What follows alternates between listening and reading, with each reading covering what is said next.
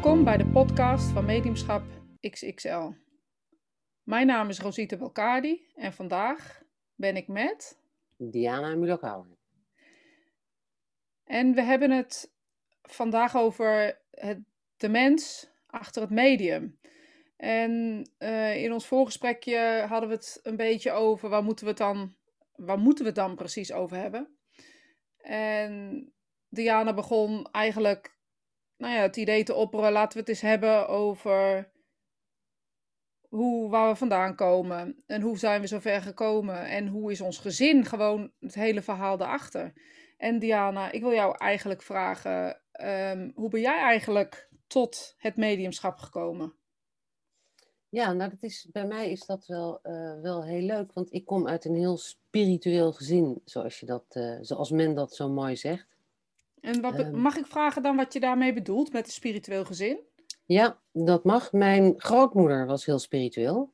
Um, zij leefde nou, heel lang geleden. Ik ben al oud, dus je kan nagaan hoe oud mijn grootmoeder was, hoe, wanneer zij leefde. En zij was heel erg geïnteresseerd in het hele spirituele. En bedoel je dan het geloof, spiritueel geloof, of in het mediumschapstuk, zeg maar, wat wij uh, leven? Nou, in ieder geval het mediumschap um, zoals wij dat um, uitoefenen. Maar ik denk dat haar geloof dat ook wel was. Maar in de periode dat zij leefde, werd daar natuurlijk helemaal niet over gesproken. Weet je, dat was hocus pocus en dat, uh, en dat mocht helemaal niet. Haar echtgenoot is overleden toen um, ze nog twee kleine kinderen had. En zij is toen naar een medium gegaan, iemand die schreef met een planchet. He, dat is zo'n plankje en dan leg je er een papier onder. En dat medium kreeg boodschappen door uit de ongeziene wereld. En zo had zij contact met haar, um, met haar echtgenoot en met haar overleden familieleden. Maar in die tijd was dat ten strengste verboden. Weet je, dat, dat mocht niet, dat kon niet. Nee. En, uh, In achterkamertjes werd dat gedaan, hè? Donkere Ja, gordijnen, ja. dat mocht helemaal niet. En um, zij, is, zij is op een gegeven moment overleden. En um, toen hebben we haar boekenkast is leeggemaakt. En er zijn een aantal boeken naar mijn moeder gegaan en naar haar broer. En um, toen weet ik wel dat ik op een gegeven moment jaren daarna bij mijn moeder was. En dat ik een boekje zocht. En toen zei ze, nou dat staat daar en daar in de, in de boekenkast. En toen ging ik kijken en toen zag ik dat mijn moeder boeken had van Arthur Findlay. Hm. Hè, van het Arthur Findlay College. Waarop ik tegen mijn moeder zeg, goh mam, dat jij die boeken hebt. Ze zei, nee, die heb ik helemaal niet. Ik zeg, nou, kijk maar. Zei, die zijn niet van mij, die zijn van je grootmoeder. Dus mijn grootmoeder had ook al boeken van Arthur Findlay. Mm, ja, mooi. Überhaupt voordat ik geboren was of, of van het bestaan wist. Dus zij, en dat heeft zij overgebracht op haar dochter, dus mijn moeder. Uh, dus mijn moeder wist een heleboel van het spirituele, maar sprak daar eigenlijk ook niet over. En mijn vader heeft in de Jappenkampen gezeten. Hm. En um, heeft daar ook um, ja, dingen gezien en gehoord en gevoeld die um, heel spiritueel waren, maar waar hij eigenlijk niks meer mee doet. hij heeft een keuze gemaakt in dit leven. Hij zegt, ik leef nu. En ik wil daar eigenlijk verder niks meer mee te maken hebben. Maar dat jullie dat doen, is helemaal prima. Maar laat mij daar buiten. Ja, en het laat mij er buiten zo van, nou heb ik gewoon geen zin om me daarin te verdiepen maar ik respecteer het? Of is laat mij buiten, dat vind ik onzin, ik wil er niks over horen, ik ben er bang van? Nee, hij vindt het helemaal geen onzin. Hij weet dat er meer is en dat heeft hij zelf ook ervaren. Hij komt ook wel eens naar een demo als we die geven. Oh, mooi. Um, maar hij, hij praktiseert het niet, zeg maar. Nee. Hij, hij doet er Nee. verder niks mee. Mooi. En je zegt spiritueel gezin. En ehm, heb je dan ook geleerd, weet je, in, je hebt in gezinnen waarin eh, sterk gebeden wordt naar onze lieve Heer.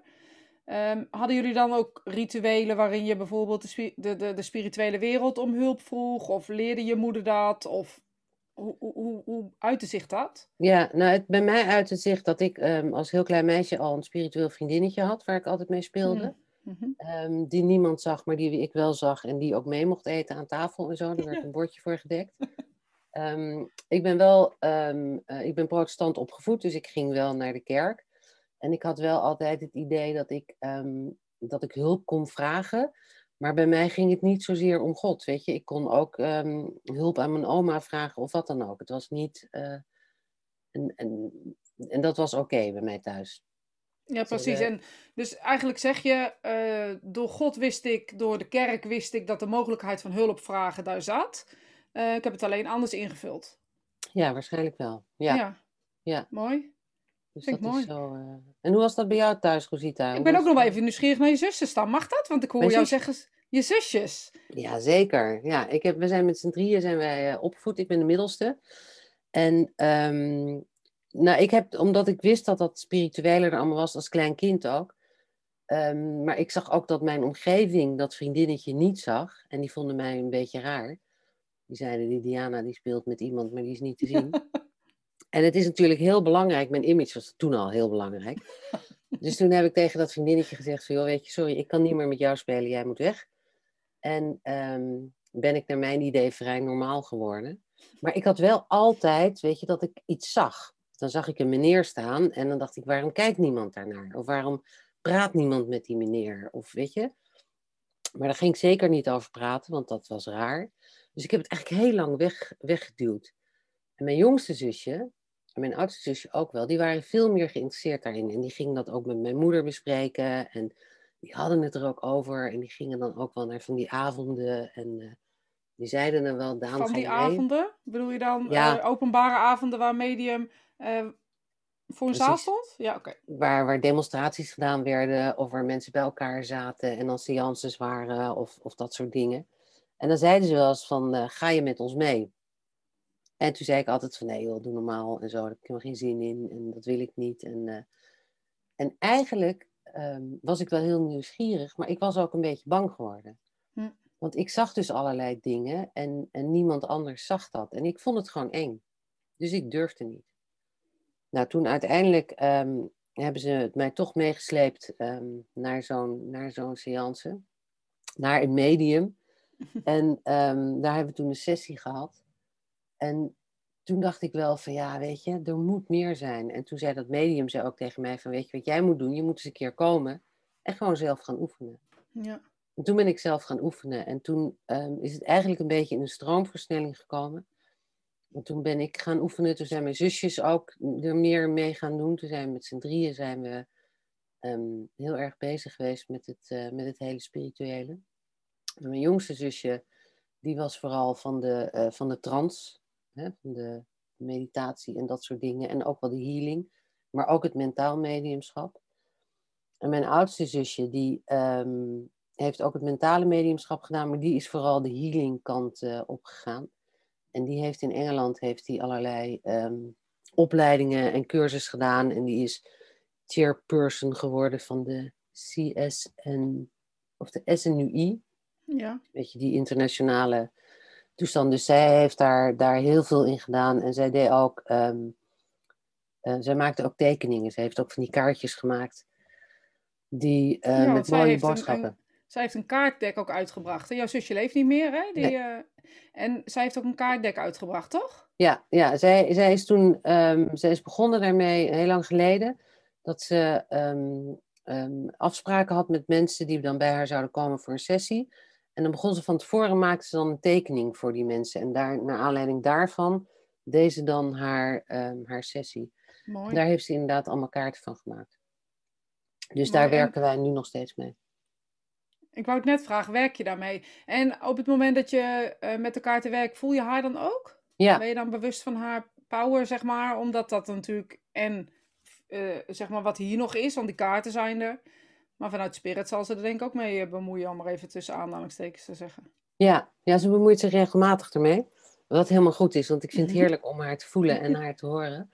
Zeker. Maar ik vergelijk het altijd met, weet je, ehm, zij, zij was mijn zusje en wij, wij konden heel goed met elkaar, weet je, wij gingen heel goed met elkaar, wij met z'n drieën. Dus we hadden ook aan één woord genoeg, ehm, te- Ja, terwijl we leefden. Weet je, we konden eindeloos, eh, we konden de slappe lach krijgen om iets wat we alle drie zagen, maar verder niemand zag.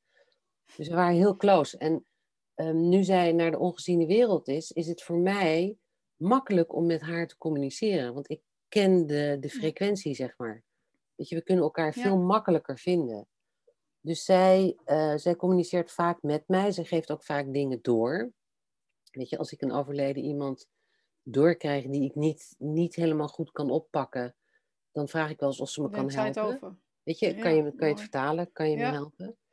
En ehm, zij was natuurlijk een enorme healer. En ehm, door haar ben ik nu ook meer gaan doen met de healing.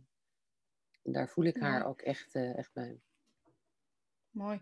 Ik hoop dat mensen die dit luisteren, ehm, dat nu ook kunnen voelen. Want ik kan heel, haar heel sterk voelen nu in onze aanwezigheid. Dus nu dat we het over haar hebben, kan ik heel erg voelen dat ze er is. En het lijkt me gewoon mooi als mensen dat voelen, of- dat ze daar ook eens op letten. En dat kan dan door een bepaalde sensatie op je lichaam zijn. Een kippenvel of een windachtige eh, sensatie. Dus ik, vind, ik heb haar nooit gekend, maar eh, ik vind een sterke persoonlijkheid. Laat ik het maar even zo zeggen. Ja, Ja. maar ik denk ook dat dat komt omdat zij gewend was om met spirit te werken. ja. Dat je zei, zij, ehm, ja, ze, ze weet hoe het werkt, ze weet hoe het moet. En ehm, ja, zij was echt gewoon een heel mooi mens. ja, mooi. Ik bedoel, ik heb echt eens de hersens ingeslagen hoor, als zusje. Oh ja, dat, maar eh, dat mag ook. Maar dat, dat is dan de andere kant, dat we dat een beetje soort van vergeten, hè? Dat hoort erbij. Maar zij, ja, zij was gewoon echt een. ehm, en ze heeft ook zoveel gedaan. Dat ook na haar overlijden. ehm, weet je, dat je mensen dan hoort en zeiden: Oh, ze was zo bijzonder. En ze was zo. Ja, ze had gewoon zo'n Mooi. mooie ziel. En zij was ook. Ze heeft ook tegen ons gezegd: van, ehm, want ze, ze was ziek. En ze zei ook: Weet je hoe het ook afloopt? Het is eigenlijk een win-win situatie. Ja. Want als ik beter word, dan mag ik hier blijven bij mijn gezin. Weet je, dat een onwijs mooi gezin, super mooie kinderen. Eh, maar ze zei, als ik niet beter word, dan, dan ga ik alvast naar huis. Ja, dat herken ik heel goed. Ja, ja mooi. Dat was wel, eh, ja, mooi. Maar dus ik ben opgegroeid in een, ja, daarom noem ik dat een spiritueel nest. Het was Ja, voor mooi. ons, was het, was het heel logisch. In, binnen, binnen, de, binnen de muren, hè?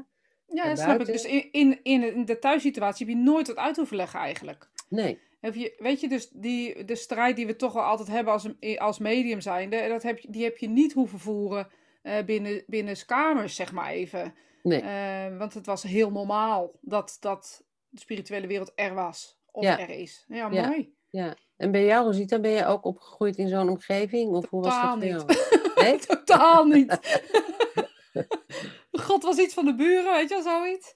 En, ehm, ehm, maar ze hebben me ook nooit eh, afgekeurd ergens over. Dus ik heb daar ook een voordeel in gehad. Ik eh, heb als, eh, ook grappig, want als klein meisje had ik ook altijd... eh, ehm, ja, weet je, grote fantasie zouden ze zeggen. Ik zag dingen die er niet waren. Voor ogenschijnlijk voor anderen. En in de natuur had ik het vooral. Dus als ik in de natuur was, zag ik altijd van alles en nog wat. En hoorde ik alles en nog wat. En dan speelde ik ook met een, met een kindje, met een Ah meisje. ja. Ja. ja. En dat was eigenlijk altijd buiten. Dus ik heb dat nooit binnen ervaren. Maar ik ben ook altijd een alleenspeler geweest. Mhm. Eh, dus ook buitenspelen deed ik alleen. En ja, dan was dat meisje er. Dus het was voor mij heel, ja, heel normaal of zo. Ik heb daar nooit iets als niet normaal ervaren. Ehm, ik weet wel dat, dat een keer mijn... Ik was eh, ziek. En ik zag altijd mannen met kappen op hun hoofd. Ik weet niet of je dat eh, wel eens vaker gehoord hebt. Maar dat zie je bij kinderen wel eens. Dat ze een bepaalde beeldenis krijgen van de spirituele wereld.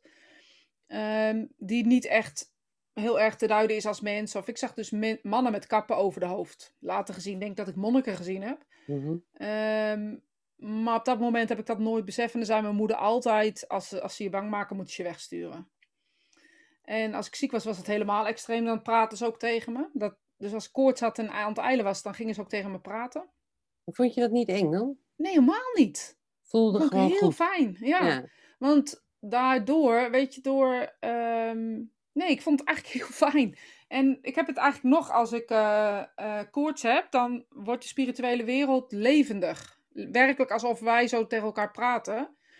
Eh, ja, dan beleef ik het alsof ik naast mezelf sta. Dat is echt heel erg raar. Nu doet koorts ook wel eilen. Ja. Eh, maar het zijn geen uilbeelden, want het zijn beelden die ik ook uit mijn mediumschap ken. Alleen dan gaan ze spreken. Dus dan ben ik gewoon meer, nou ja, als het dan in de, in de trance staat, eh, zeg maar. Dus dan ben ik iets meer uit mezelf. Maar terug te komen naar het gezin, nee, ik ben totaal niet eh, eh, spiritueel eh, opgevoed. Ehm, ik ben opgevoed in een pleeggezin waar ehm, ja, het heel liefdevol was en alles mocht en alles kon.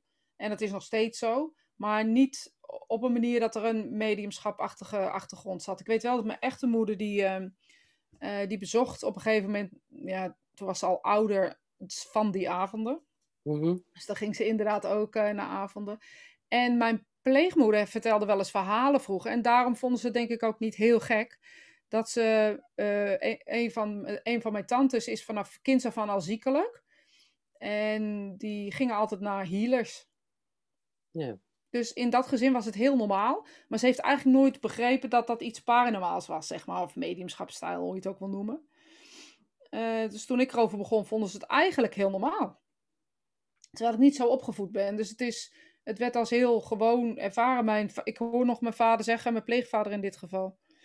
Um, als je maar niet bij secte gaat, is alles goed. Oh ja. Grappig dat dat zo samenhangt, hè, dan. Ja, hè? toch hè, voor mensen is mediumschap of spiritueel hangt toch direct aan ja, iets negatiefs ook wel.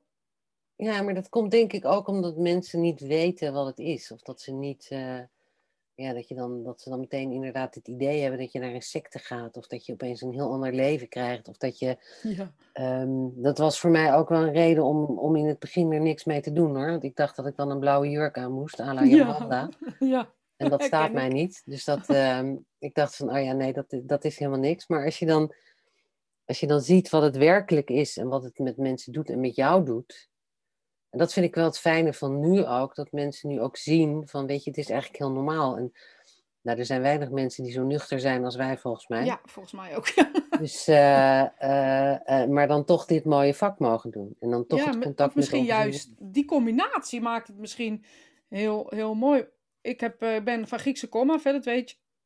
Mijn vader uh, komt uit Griekenland. En um, van mijn echte vader komt dit mediumschap ook vandaan. Ik, alleen, ik ben er niet mee opgevoed. Nee. Uh, dus was ik bij hem thuis opgevoed, dan was het ook veel normaler geweest. Zijn, zijn zuster, dus mijn tante, deed um, koffiedik lezen elke ochtend voor, voor vrouwen die uh, dat wilden. De kaartlassen, maar dan met uh, gewone speelkaarten. Oh ja. En ze deed dromenanalyse en daar was zij echt fantastisch in.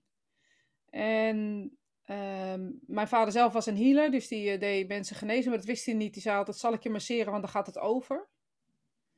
En die masseerde je dan, dan, had je, dan was je pijn gewoon totaal weg. Of het probleem was opgelost, of je hoorde ineens knakken in je rug. Of, uh, ja, mooi hè? Ja. ja. Heel bijzonder vond ik. Weet je, het hoeft ook geen naam te hebben eigenlijk, hè? Als we erover nadenken. Als het binnen kamers blijft, heeft het geen naam nodig of zo. Nee, en iedereen doet het eigenlijk ook. Bijvoorbeeld dat healen. als jouw kind valt, wat doe je dan? Je legt je hand erop. Je zegt van kom maar, weet je, het, wordt, het wordt weer beter. En dat helpt al. Ja, maar we bezitten het allemaal. Hè? We, bezitten, we komen allemaal van die bron af. Ja. Dus we hebben allemaal die spaak gewoon in ons. Ja. Ja, maar het mediumschap ook, denk ik. Ik denk dat iedereen dat in zich heeft. Denk ik zeker. Helemaal mee eens. dan de ander. Ja. Uh, en ik denk maar net hoe het gestimuleerd wordt, hoe jij, uh, hoe jij je ontwikkelt, hoe het, uh, hoe het gaat. Ja, ik, maar ik denk wel, als ik nu de afgelopen heb, en misschien deel je die mening helemaal niet, maar nu de afgelopen uh, eh, 15 jaar geef ik les in mediumschap. Als ik kijk uh, naar mediums, ik, ik, zie wel verschil. Of talent, um, uh, nou ja, talent is niet helemaal het goede woord, maar of dat wat, wat in je zit ook echt tot een potentieel kan komen, zodat je er ook mensen mee kan helpen. Ja. En helpen is dan niet het goede woord, maar dan begrijp je het best, denk ik. Ja, ja. Nee, ik zeg altijd, iedereen kan voetballen, maar niet iedereen wordt Johan Cruijff. Ja, of Messi. Oh, ik ga voor Johan Cruijff, maar goed, ja. daar een andere podcast over hebben. Ja, dat lijkt me ook leuk. echt, Hij is mijn held. Quotes, echt, serieus. Ah. Hey, en hoe zit dat? Want we zien dat jij hebt ook kinderen. Ja. Um, zie jij dat ook bij jouw kinderen? Die gevoeligheid? We hebben het er natuurlijk wel over. En ze zijn ook altijd geïnteresseerd. Ze zijn er niet per se mee bezig. Um, maar dat was ik op die leeftijd ook niet. Um, ja, ik, ik, zie dat ze heel veel interesse hebben. Vooral mijn jongste heeft uh, veel interesse wat ik doe, die wil ze weten. En dan wil, moet ik het uitleggen. En, um, soms, soms kijkt ze wel eens mee naar een live of uh, doet ze eens mee uh, met, met een les, weet je. Dan, mm -hmm. dan, en vooral op Zoom, want dat vindt ze dan fijn. Hoeft ze niet tussen mensen in te zitten. Ze vindt de demonstratie bijwonen heel prettig. Um, dus ik zeg niet dat ze er niks mee doen, maar het zit nog in de voorbereidende fase, laat ik het maar zo zeggen. Ja, maar ze weten wel dat het bestaat en dat het er ja, is. Zeker. En dat, uh... De jongste had ook echt een vriendje. En, uh, en dat vriendje zat, uh, ja, dat zei, dat zei hij ook altijd, ja, is vandaag, ja, ik heb vandaag even, hoef ik hem niet, want hij heeft geen leuke dingen, geen leuke dingen met me spelen. Oh ja. zeg ik, oh, hij luisterde niet naar je, bedoel je? Ja. hij doet niet wat ik wil. Hij doet niet wat ik wil, ja. Nee, nee. En terug te komen op jouw vriendinnetje, want dat vind ik altijd zo interessant. Um, die had jij dus toen jij jong was, maar die is op een gegeven moment weggegaan. Nee, ze is er nog steeds. Ze is er nog steeds? Ja. Oké. Ja, dat vind ik gewoon interessant, want die van mij is weg. Ja, weet je niet. Ik zou dan interessant vinden of, of, je, of een van je controls zich altijd als kind heeft laten zien. Dus een van je gidsen, noem ik het altijd controls. Mhm. Of ze zich als kind hebben laten zien om jou eh, niet bang te maken met een grote, groot, groot mens. Eh, of dat je niet meer alert bent op de kinderen in je team. Nee, nou, dat, ja, nou ja, daar, daar kunnen we het nog wel eens over hebben. Want ik heb wel, als ik in trans ga, ja, als ik in trans ga, komt er wel eens een kindje door. Ehm, maar dat voelt anders. Ik heb nooit meer dat gevoel gehad van eh, dat vriendinnetje van, van vroeger. Maar dat kan toch ook niet? We zijn toch ook eh, een paar jaar ouder als vroeger. Dus weet je, ik weet, oh, ik kan me nog zo die springtouw, dat geur van de springtouw herinneren. Dat, dat plastic geurtje van dat springtouw. Nou, weet je het nu ook weer? Nee, dat is heel grappig, want jij zegt het en ik ruik het meteen, maar ik ben wat ouder. Wij hadden een touwen springtouw en dat Ja. ruik ik. Dus geen ruikt plastic. de touw, dus die al in natte had gelegen. Ja, ik had zo'n plastic. Maar, en als ik die springtouw zag, dat gevoel wat het me gaf, dat kan ik nog zo herinneren. Maar als ik nu een springtouw in de weg zie liggen meestal, hè, want dat is een ander verhaal, dan heb ik nooit dat gevoel meer. Maar het is er wel degelijk nog steeds, maar dat gevoel gaat nooit meer hetzelfde zijn. Dat eerste spiritcontact wat ik heb gemaakt was per ongeluk, dacht ik, bewust, zeg maar mijn eerste bewuste spiritcontact.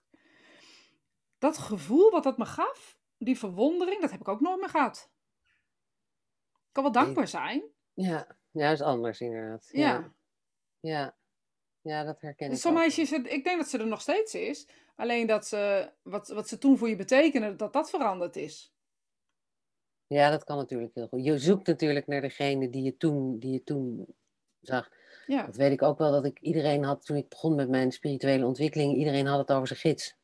ja, En iedereen zag zijn gids ook. Ja. En iedereen wist ook hoe die heette. En ik zag helemaal niks. ik ook niet. Helemaal niks. Echt. En het frustreerde me zo ontzettend. En toen op een gegeven moment hadden we, een, ehm, hadden we weer een ontmoeting met je gids. Ik dacht, nou, ik ga het maar weer proberen. En ehm, toen op een gegeven moment, toen zag ik iets. En toen dacht ik van, is dat mijn gids? Dus ik, en, en ik voel, ik, had een, ik kreeg een bepaalde sensatie die ik niet kende. Dus ik dacht van, nou weet je, dit moet, dit moet iets zijn. En toen werd ik meteen boos.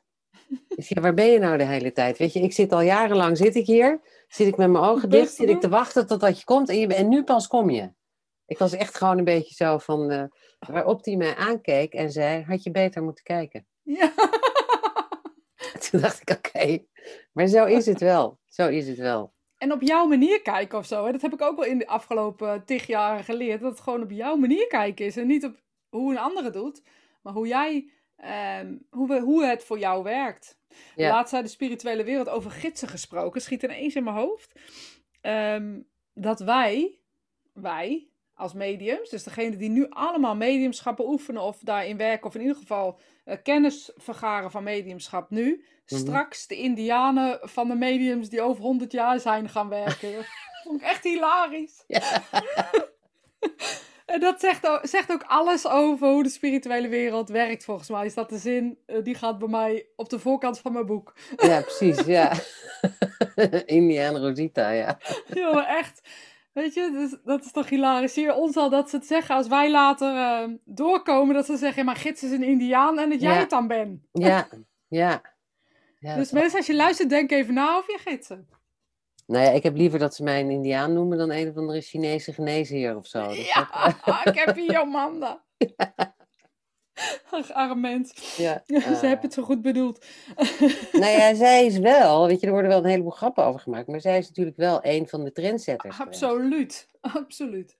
Dus dat is ook wel. eh, ehm, vroeger had ik daar altijd, weet je, zei ik van die Jomanda met haar jurk en, eh, en dat soort dingen. Maar als je nu goed terugkijkt, en althans, dat is mijn persoonlijke Ik mening, ben, deel het volledig. heeft ze wel een heleboel goeds gedaan. En heeft ze een heleboel, heeft ze echt wel haar nek uitgestoken voor, eh, voor een heleboel dingen. En elke aandacht, ook al is de aandacht eh, misschien niet zoals ehm, de, de spirituele wereld. Ik zat een paar, ik denk twee maanden geleden of zo, een, eh, ik weet nog niet eens meer hoe lang, een transdemonstratie woonde ik online bij van een medium. En zijn gids eh, zei over bijvoorbeeld, je hoort nu heel veel over televisieprogramma's of, of dingen die gebeuren. En ehm, Eh, de, de, deze gids zei: reken nooit de mensen af die meedoen aan een, een televisieprogramma. Dus of je nu, ehm, als je als medium meewerkt aan een televisieprogramma, reken nooit de mediums af. Want je weet nooit eh, wat voor een, hoe zeg je dat? Een knip- en plakproductie erachter zit. Uh, want de duivelsbox, zo noemde hij het, zendt nooit heel goed uit. Uh, dus we moeten gewoon heel blij zijn dat er aandacht gegeven wordt aan mediumschap. En of dat nou een Jomanda, een Derek Ogilvy, een Char, hoe heet zij? Cher, Char, weet ik het. Char, ja. Uh, we hoeven het er niet mee eens te zijn, maar ze geven wel reuring aan ons mooie werk. Ben ik helemaal met je eens. En, maar ik vind, um, persoonlijk vind ik dat je het echte, het echte mediumschap, weet je, het echte mentale ja. mediumschap is niet voor de televisie. Absoluut niet, want je begrijpt het ook niet. Nee, en je voelt het niet. Nee, precies. Weet je, je voelt het niet. Ik weet wel, um, ik heb op een gegeven moment was ik aan het lesgeven bij een groep. En dat was een groep beginners. En die gingen voor het eerst contact maken uh, met de ongeziene wereld. En er stond een, uh, een, van die, een, van die, een jonge knul die stond voor de groep. En die had het contact. En het enige wat hij, wat hij, wat hij zei, hij wist precies waar hij moest zijn. Hij zei, ik moet bij u zijn. Um, ik heb hier je moeder. Klopt het dat je moeder is overleden? En je voelde die moeder. En hij zei, ik moet zeggen, ik hou van je. Dat was het enige. Ja, weet ik heb je? nooit zo'n mooi contact gezien. Maar waarom? Omdat ik het, je kon het voelen, weet je. Je voelde de aanwezigheid ja. van die moeder en de emotie. En de... Dus het is niet, naar mijn idee is het niet voor de televisie. Dat denk ik ook. En uh, het is goed dat we er geruchtheid aan geven. En we zouden eigenlijk mediums, als we mediums op televisie krijgen, zouden die het uit moeten leggen. Hoe het werkt, waarom het zit. Of laatst was zo'n, uh, die documentaire op Netflix, heb je vast gezien. Ja. Uh, ik heb het nog niet helemaal gezien, maar een heel mooi voorbeeld in die documentaire vind ik bij uh, één medium, Phil heette de medium, mislukte de sessie. En daar, ja. vond ik een, daar vond ik het de uitgelezen kans om op televisie uit te leggen wat gebeurde hier nou. Ja, Hoezo en, mislukte dit? ja, en Hoezo lukte niet. het niet? Nee, en dat doen ze niet. Het is alleen maar sensatiegericht, zeg maar. En het is goed dat iemand um, je jezelf na laat denken, maar nu weet je niet wat daar gebeurde. Weet je, was hij geïntimideerd of um, uh, was hij onzeker? Ik bedoel, dat zou ik interessant vinden. Ja. Nou ja, en wat er, wat er gebeurde is dat de regisseur of de, degene die het, het knip- en plakwerk doet, Ja, precies dat. um, maakt het antwoord voor de, uh, voor de kijker. Absoluut. Terwijl die er waarschijnlijk geen verstand van heeft of wat dan ook. Nee, en dat is heel. Um, het, is, het is eigenlijk heel zwart-wit. Heel eerlijk gezegd. Want ik, ik ben daar ook geweest. Ik ben daar, heb daar een healing gehad en daar werd ik ook geïnterviewd. Ik ben niet in de uitzendingen te zien, overigens. En um, ik ging heel praktisch vertellen wat daar gebeurde. En ik zit niet in de uitzending. We liepen weg. Ik zei al, oh, ik ben veel nuchter geweest. dat is Ja, niet- dat is, Dit wordt niet gebruikt. nee, dat is wel grappig, want ik ben een keer geïnterviewd en eh, er waren ook mensen die een documentaire gingen maken en die hadden mensen nodig en die hadden, toen ben ik daarvoor eh, gedragen om, om eventueel ehm, in die serie te komen. Ehm, dus toen moesten ze met mij praten. En toen kreeg ik ook van nee, ehm, jij bent, eh, je, je komt er niet in, want je bent niet spectaculair genoeg. Nee. nou, onze tv-carrière was snel afgelopen dus. Ja, maar dat is maar, helemaal prima, want eh, ik hoef niet op televisie. Maar het is, weet je, mediumschap is niet spectaculair. Het gaat Nee. om het gevoel, het gaat om de emotie, het gaat om de boodschap, het gaat om, om weet je. En niet Dit om... soort verhalen waar wij het nu over hebben. Weet je, eh, mediumschap moet normaal gemaakt worden. Of, en eigenlijk is dat al redelijk normaal aan het worden. Waarin we het gaan zien als een beroep. Wat we kunnen leren en kunnen kijken hoe goed we erin worden. Ja. En waarin we daarin, ja, ons hart kunnen volgen. Want volgens mij is dat alles wat we als mediums doen. Ja, nou ja, en dat zie je nu natuurlijk ook in de, in de, in de jongeren nu. Hè, als je dan naar, naar onze kinderen kijkt of wat dan ook, die groeien op in een periode waarin het veel normaler is. Hè? Waarin ze, ehm, als mijn, mijn kinderen eh, vroeger naast hun bed begonnen te huilen en zeiden ik zie opa, dan zei ik niet tegen ze ga je mond spoelen en eh, naar bed en eh, mond houden. Maar dan zei ik van wat leuk, hoe is het met hem? Ja, wat goed dat hij voor je zorgt. Ja. Ja, En eh, we gaan nu, maar nu gaan we slapen. En dan moet opa moet misschien ook maar gaan slapen. En dan, weet je, en dan, dus het is heel normaal. Ja, Dus ik denk precies dezelfde, woordkeuze gebruikt. Grappig. Ja. Weet je, dus over een paar jaar zijn er veel meer mensen die, ehm, die zich misschien hierin gaan specialiseren of wat dan ook. Mooi. En wordt het ook veel normaler. Ja. Nou ja, het is ook wel een beetje nodig, vind je niet? Eh, Weet je, mediumschap op een goede manier. ehm, onderbouwde manier misschien wel. En dan zeg ik niet dat wij het weten. Ehm, maar ik denk wel dat het, dat het nodig is. Ik denk het ook. En ik denk dat het ook een enorme hulp voor mensen kan zijn. Ja. En, een, en een troost en een healing ook. Zeker. Vooral dat laatste, toch?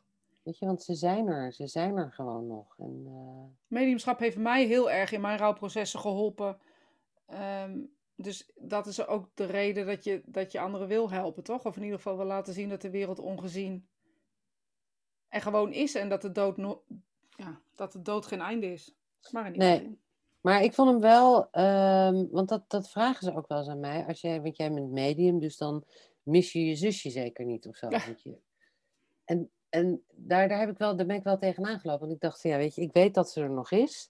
Dus ik kan eigenlijk niet verdrietig zijn. Oh, maar mijn broer is ook overleden. Oh ja, dat is waar. Ja. Ja, en ehm, het gemis is pas later gekomen. Weet je, het feit dat je elkaar nooit meer in de ogen kan kijken, dat mis je. En wat voor rol heb ik dan nog als Rosita zonder hem of zo? En dat vond ik mijn rouwproces.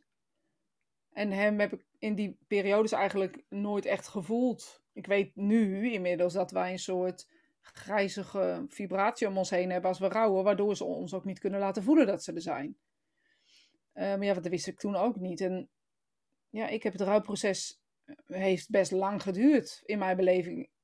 Terwijl ik inderdaad ook dacht, nou ja, ik ben niet bang voor de dood, dus hoef ik daar ook niet bang voor te zijn.